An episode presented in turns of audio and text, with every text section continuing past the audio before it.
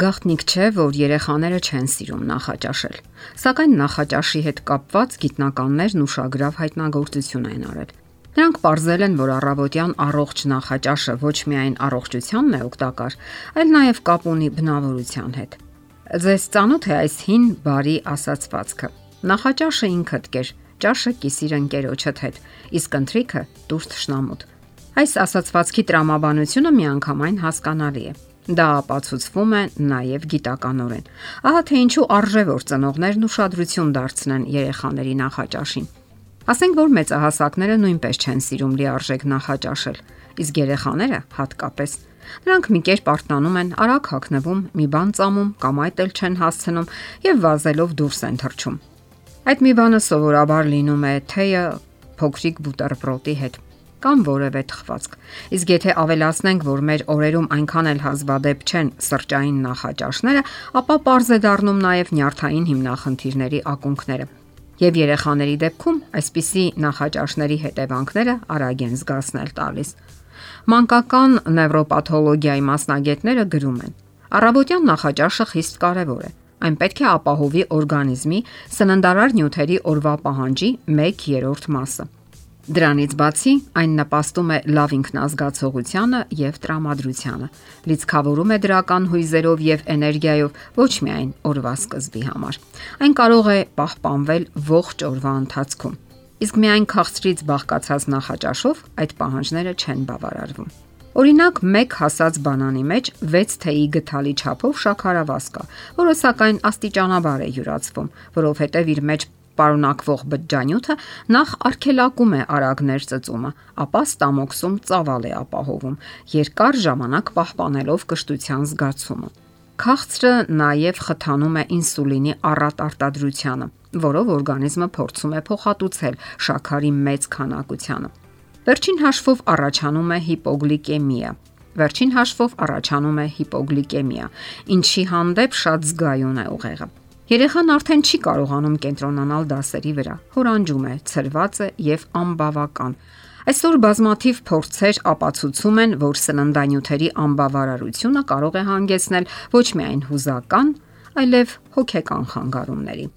Ստացվում է, որ անլիարժեք նախաճաշը կարող է անդրադառնալ երեխաների ոչ միայն ֆիզիկական առողջության, այլև վարքագծի վրա։ Մանկական բժիշկները նշում են, որ այսօր ավելի հաճախ են գործ ունենում գերակտիվ համախտանիշով երեխաների հետ, ովքեր ուշադրության պակաս ունեն։ Ուսումնասիրելով այդպիսի երեխաների սննդակարգը, բժիշկները հայտնաբերում են շաքարի ավելցուկ։ Սակայն օրգանիզմին անհրաժեշտ է բնական ֆրուկտոզը, որը պարունակվում է մրգերի հատապտուղների մեջ։ Իսկ լավագույն նախաճաշը, որ խորհուրդ են տալիս բժիշկները, շիլաներն են։ Դրանք կարող են լինել ձավարից, ծորենի, վարսակի, եգիպտացորենի փաթիլներից։ Այդ սննդամթերքները հարուստ են դժվար յուրացվող բարդ ածխաջրատներով։ Կարելի է դրանք համակցել Կարելի է համակցել մի քանի ձավարեղեն։ Այդ ժամանակ ածխաջրատների հավաքածուն ավելի հարուստ կլինի եւ նախաճաշն էլ ավելի լիարժեք։ Առավոտյան նախաճաշին կարելի ավելացնել մրգեր, որոնք ոչ միայն հարուստ են վիտամիններով, օգտակար նյութերով, այլ նաև հաճելի են համով եւ երեխաները հաճույքով ուտում են։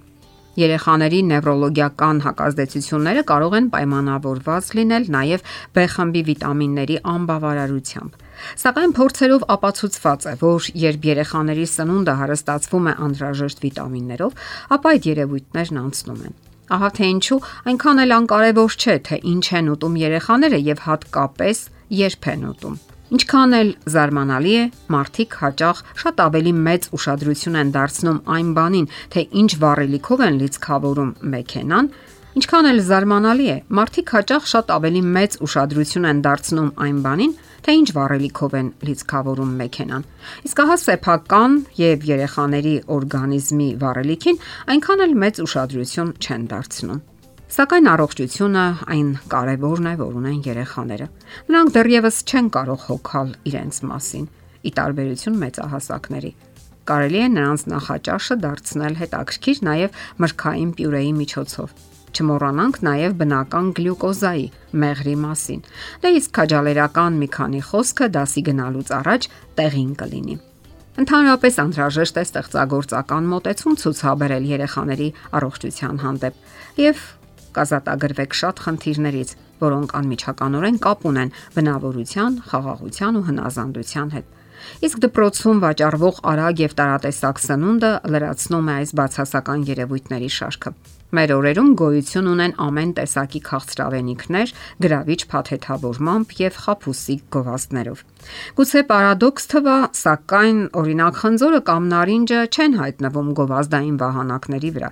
Կամ ով կարող է ասել, թե ինչպես են գովազդվում կիվին կամ գազարը։ Անօգտակար սննդամթերքների թվին են դասվում չիպսերը, գազավորված ըմպելիքները, որոնք երեխաների ուշադրության կենտրոնում են։ Այս մասին դուք շատ եք լսում, շատ եք հարոզվում։ Տեսել եք դպրոցից դուրս եկող երեխաներին ամեն տեսակի կոլաների շշերը ձեռքներին։ Դրանք հարուստ են կոֆեինով եւ շաքարով։ Գրգռման մեկ այլ աղբյուր է։ Գազավորված ըմպելիքները նույնպես մեծ քանակի շաքար են պարունակում եւ անհրաժեշտ է երեխաներին զերծ պահել դրանցից։ Դե ինչ, Բոլոր ծնողներն էլ պետք է ջանքեր գործադրեն պահպանելու իրենց երեխաների ֆիզիկական եւ հոգեբանական առողջությունը։ Դրանք մեծապես կապված են։ Իսկ դպրոցական տարիներին արդեն ձևավորվում են երեխաների օգտակար կամ վնասակար սովորությունները։ Հնարավորության սահմաներում փորձեք պահպանել ձեր երեխաների առողջությունը, իսկ դա դասերակցության անբաժանելի մասն է։ Եթերում է ընտանիք հաղորդաշարը։ Ձեզ հետ է Գեղեցիկ Մարտիրոսյանը։ Հարցերի եւ առաջարկությունների դեպքում զանգահարեք 094 08 2093 հեռախոսահամարով։ Հետևեք մեզ hopmedia.am հասցեով։